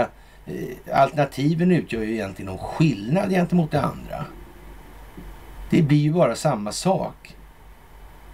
Om man är dum i huvudet och fattar det eller inte, det är ju liksom... Ja, jaha. Ja men då så. Mm. Det kan man snacka om rätt så tvivelaktiga figurer helt enkelt. Och eh, en liten lockdown inom kort så kommer ju klart hjälpa till med utvecklingen på traven. Det handlar om passen som samlas på hög och tusentals som inte har hämtats ut alltså. Och, och ja, det här passamordnandet alltså som polisen håller på med. Alltså, det finns sådana passamordnare alltså. Det finns ju märkliga typer i de sammanhangen, det måste man ju säga alltså. Och, och dessutom är det ju så här då med de här passen då. Och de finns ju någon, i någon mån också kopplade till röstlängderna som skattemyndigheten har. Mm. De där röstlängderna är en evigt återkommande fråga i tider som dessa alltså. Den som kontrollerar de där röstlängderna kontrollerar valen hur säkert som helst. Mm. Och att vi skulle förbjuda poströstandet i det här enorma landet, nej, det kan ni ju glömma alltså. Det kommer ju inte att hända. Varför inte? Mm. Legitimation och röstlängderna, det verkar vara en bra grej kan man tycka. Mm. Men nej, det kan finnas poströster. Mm -hmm. ja, ja, det ska det göra, ja. Det ska det göra. Mm. Ja, vad kan det bero på? Som sagt. Men hur som helst då så eh, säger man då om man inte hämtar ut dem där inom en viss tid så kommer de där att förstöras. Mm. Och vad händer då, då? De där röstlängderna, det är ju lite speciellt. Men det där blir efter valet. Det här med valet, det där med att rösta ja. Hur blir det egentligen om vi inte har kontroll på röstlängderna? Blir det bra då? Mm. De här systemen går inte att manipulera, det vet vi ju. Och det har inte gjorts någon gång. Nej. Fast man har fastställt just nu då i en amerikansk delstat att det har fuskats något för jävligt. Ja. Och det lär inte bli mindre av den typen av information i vad som nu kommer. Nej, det kommer det inte bli. Ja, jag vet inte. Jag vet inte. Jag vet ju inte så mycket överhuvudtaget som jag, som jag låter. Ja, ja. Jaha, och Skatteverket ska ta över ansvaret för ID-kontroller vid tilldelning och förnyelse av samordningsnummer. Det föreslår regeringen i en proposition till riksdagen, rapporterar TT. Samordningsnummer tilldelas personer som uppehåller sig i Sverige men som inte är folkbokförda i landet. Förslaget innebär bland annat att samordningsnummer delas in i tre nivåer. Styrkt, sannolik eller osäker. Dessutom ska personerna vara skyldiga att överlämna ID-handlingar och fingeravtryck samt låta sig fotograferas för att styrka sin identitet. Styrkt, sannolikt och osäkert. Ja. Nu är det tryckt på riktigt. Ja, när man inte kunde få det dummare så kommer Damberg med det här då alltså. Det är ju fantastiskt helt enkelt. Mm. Och det där är ju liksom rätt så avgörande för att man ska kunna säga vilka människor som vistas i landet. Och eh, De här människorna som har fått då, de kan ju beviljas ja, olika tillstånd och medborgarskap och finnas i röstlängder och så vidare. Kan det vara så att man har använt det här satt i system under väldigt lång tid alltså? Kanske det inte är fullt så många människor i eller så att säga ur ett fysiskt perspektiv som vistas i landet som det är ur ett administrativt perspektiv. För de där pengarna går ju liksom att... Ja, då kan man ju säga att det kan man ju använda som ett självspelande piano sen. Mm. Man kan ju ha ett gäng. Så det var ju någon som hade 93 identiteter såg jag. Ja. Det får bli lite fusk då nästan. Mm. Det verkar vara satt i system dessutom. Konstigt det fungerar. Att inte myndigheterna upptäckt det. Kanske var meningen att de inte skulle upptäcka det. Kanske de vet det själva att de inte ska upptäcka det just. De här, de här, de här ska ni inte kolla. Och så vidare. Mm. Och så städar vi lite grann bland de som är lite busiga. Så ser det ut som vi gör något. Ja, jag vet inte. Ja. Det är lite konstigt alltså. Som sagt, misstänkt dataintrång hos Folkhälsomyndigheten. Vaccinuppgifter om barn har spridit alltså. Och Folkhälsomyndigheten har upptäckt ett misstänkt dataintrång. Uppgifter om barn under 12 år har vaccinerats mot covid-19 har publicerats, publicerats på en hemsida. Det skriver myndigheten på sin sajt. I de publicerade uppgifterna framgår datum för vaccination, typ av vaccin och personnummer för omkring 800 personer i Sverige. Vi ser mycket allvarligt på det här. Vi utreder nu händelsen och vi samverkar med andra myndigheter för att få reda på vad som har hänt, säger Lisa Brovers, avdelningschef på Folkmyndigheten. Händelsen är anmäld till polisen som integritetsskyddsmyndigheten. Och eh, vi kan väl eh, säga då i alla fall återigen det här med IQ-tester och så vidare. Alltså, man kan nog misstänka att lämpligheten som vårdnadshavare kommer att möta ljuset av verkligheten i de här sammanhangen alltså. Mm. Det där är ju konstigt alltså. Men, men som sagt, det är också en fråga hur mycket människor finns det egentligen i det här landet och vem vet det? Och, och varför är det på så vis? Mm, det är väl inte så att någon skulle kunna tänka på att det här ska man kunna dra nytta av ur allt ifrån enskilda nyttomaximeringsperspektiv till större politiska perspektiv för att skapa olika typer av polariseringskulisser i det här till exempel. Eller eh, ur rent ekonomiska perspektiv att driftsätta likviditet i realekonomin. Mm. Genom konsumtion då i det där. Mm. Det finns ju en rad olika sätt att se på det där som är ja, speciella helt enkelt nu i det här läget. Och eh, Saab tecknar ramavtal med Försvarets materielverk. Och, och, ja, vad ska vi säga? Vi har, Sverige har försålt, eller för, för säga, försörjt den familjen som så att säga, äger Saab under evärdliga tider. Alltså. Och nu gäller det alltså området övnings och simulatorsystem alltså. Och ja, såklart alltså. 340 miljoner kronor är också pengar. Vad ska en stackars flicka göra? Helt, helt säkert alltså. Och ja, som sagt. Svenska befolkningen får faktiskt ta och lyssna lite på Karl Gerhard. Man tycker ju det. Och om den här Durham-aktuelle Danchenko då var avlyssnad redan 17 så var uppenbarligen stingoperationen igång redan då, vilket reser frågan om vilka de möjligen som låg bakom den här operationen. Alltså. Och, och, det kan vi ju konstatera så här dags att det är då Donald Trump och den amerikanska militären som ligger bakom det där. Det går ju liksom inte att diskutera om så mycket. Alltså. Och eh, ja, om den då var igång då 17 så kan vi lugnt konstatera att parallella operativa faser har pågått sedan många år tillbaka tidigare alltså. Och, och, som sagt, det är liksom inget svårt att ta sig ner till det här ja, 90-talet alltså. Mm. Och, och, att då, vad, vad, ska vi säga, Boris Jeltsin då utsåg eh, Vladimir Putin eh, i de här sammanhangen. Det eh, behöver ju inte nödvändigtvis bara ha varit grundad på slumpen. Om vi uttrycker oss som så då. Så, men man har ju så att säga, och inte förrän 2012 så hade ju eh, ja, ja, Ryssland då någon strategisk interoperabilitet. Alltså man, man hade ingen möjlighet att föra en utrikespolitik värd namnet egentligen förrän dess. Så. Mm. Och när Donald Trump blir president så sätter man scenen då för så att säga, själva slutfasen då i det här. Det som ska ske efter valet 2020. När den djupa staten ertappas med de här valbedrägerierna. Och all annan skit som den djupa staten håller på med exponeras. Så kan man säga. I stora drag nu alltså. Men som sagt, redan 1931 så förstod man vad införandet av Bank of International Settlements skulle innebära för någonting. Mm. Så är det. Och det moderna kriget består av de parametrar och komponenter som det består av och ingenting annat.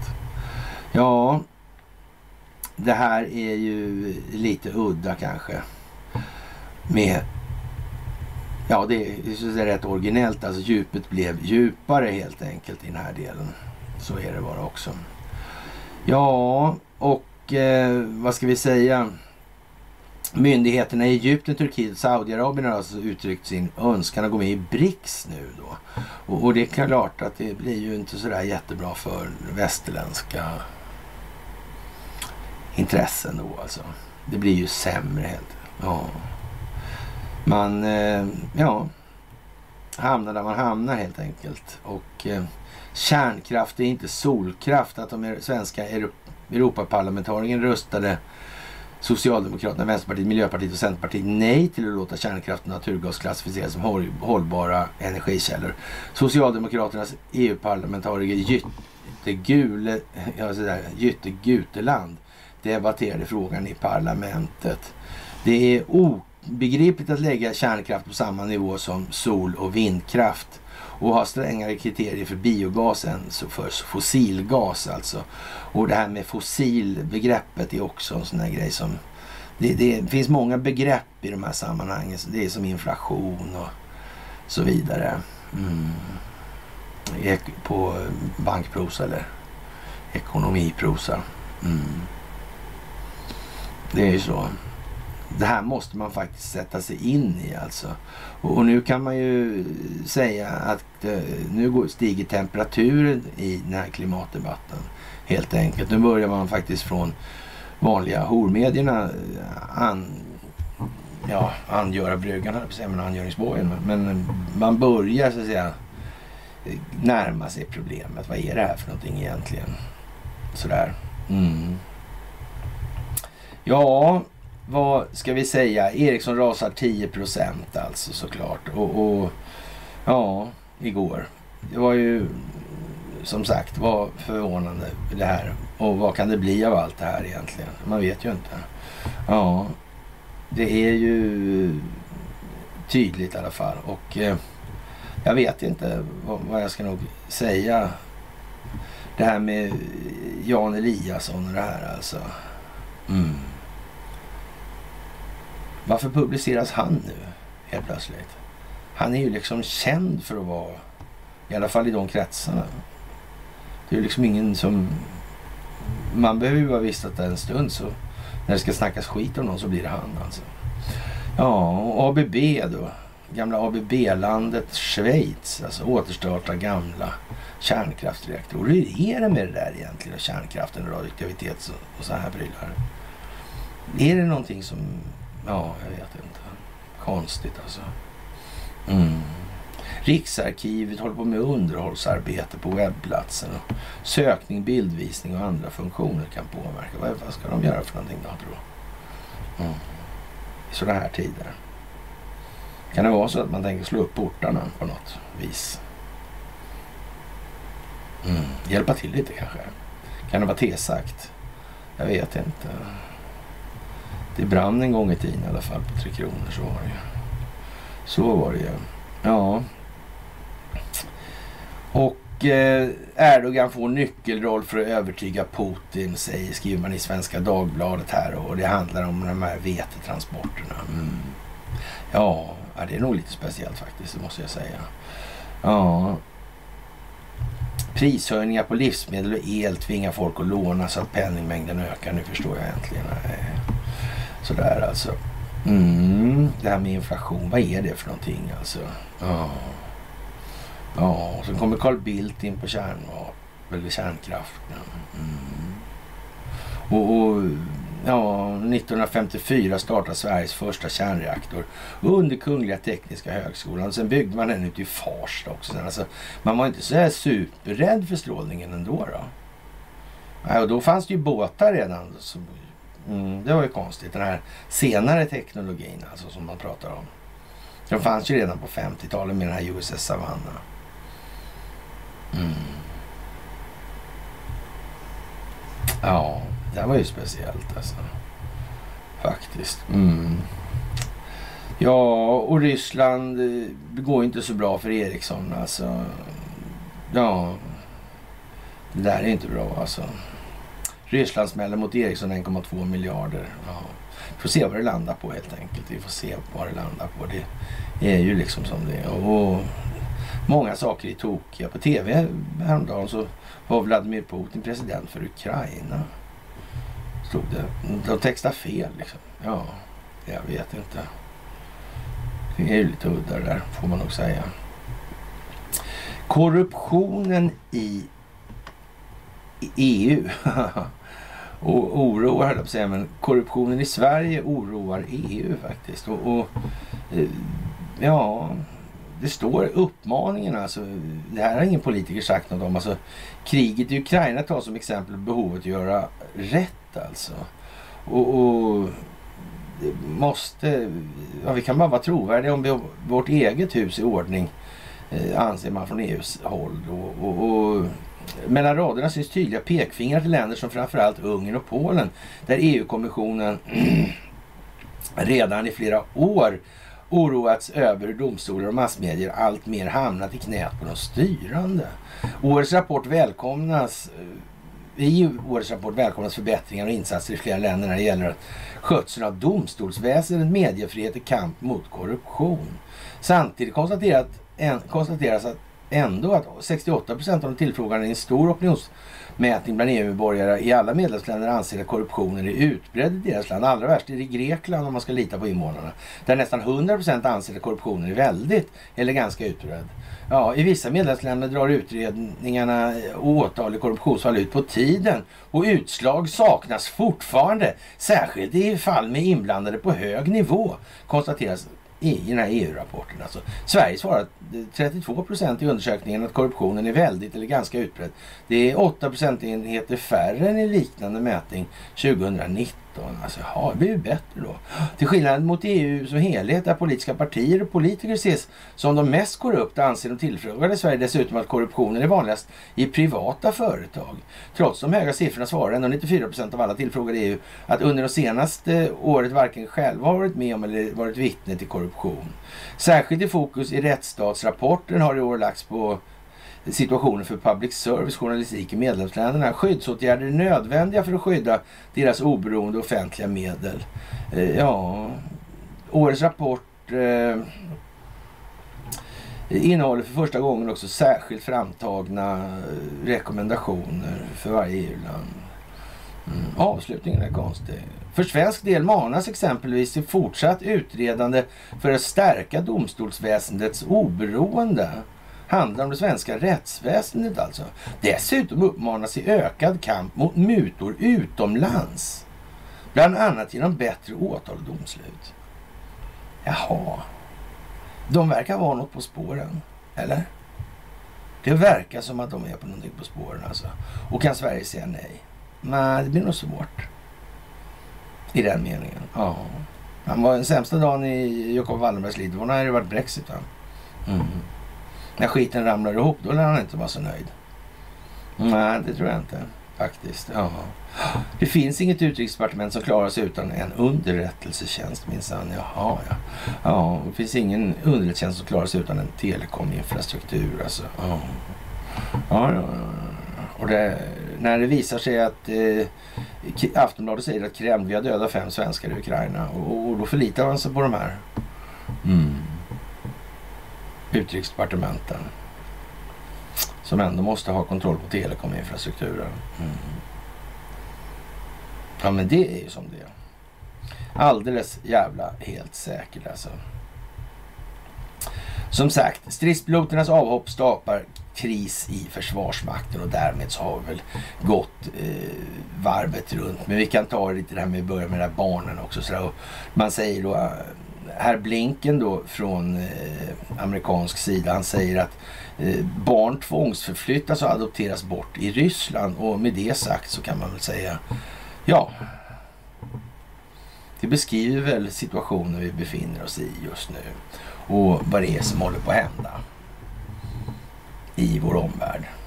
Det är fantastiska tider. Det kommer att bli helt otroligt här.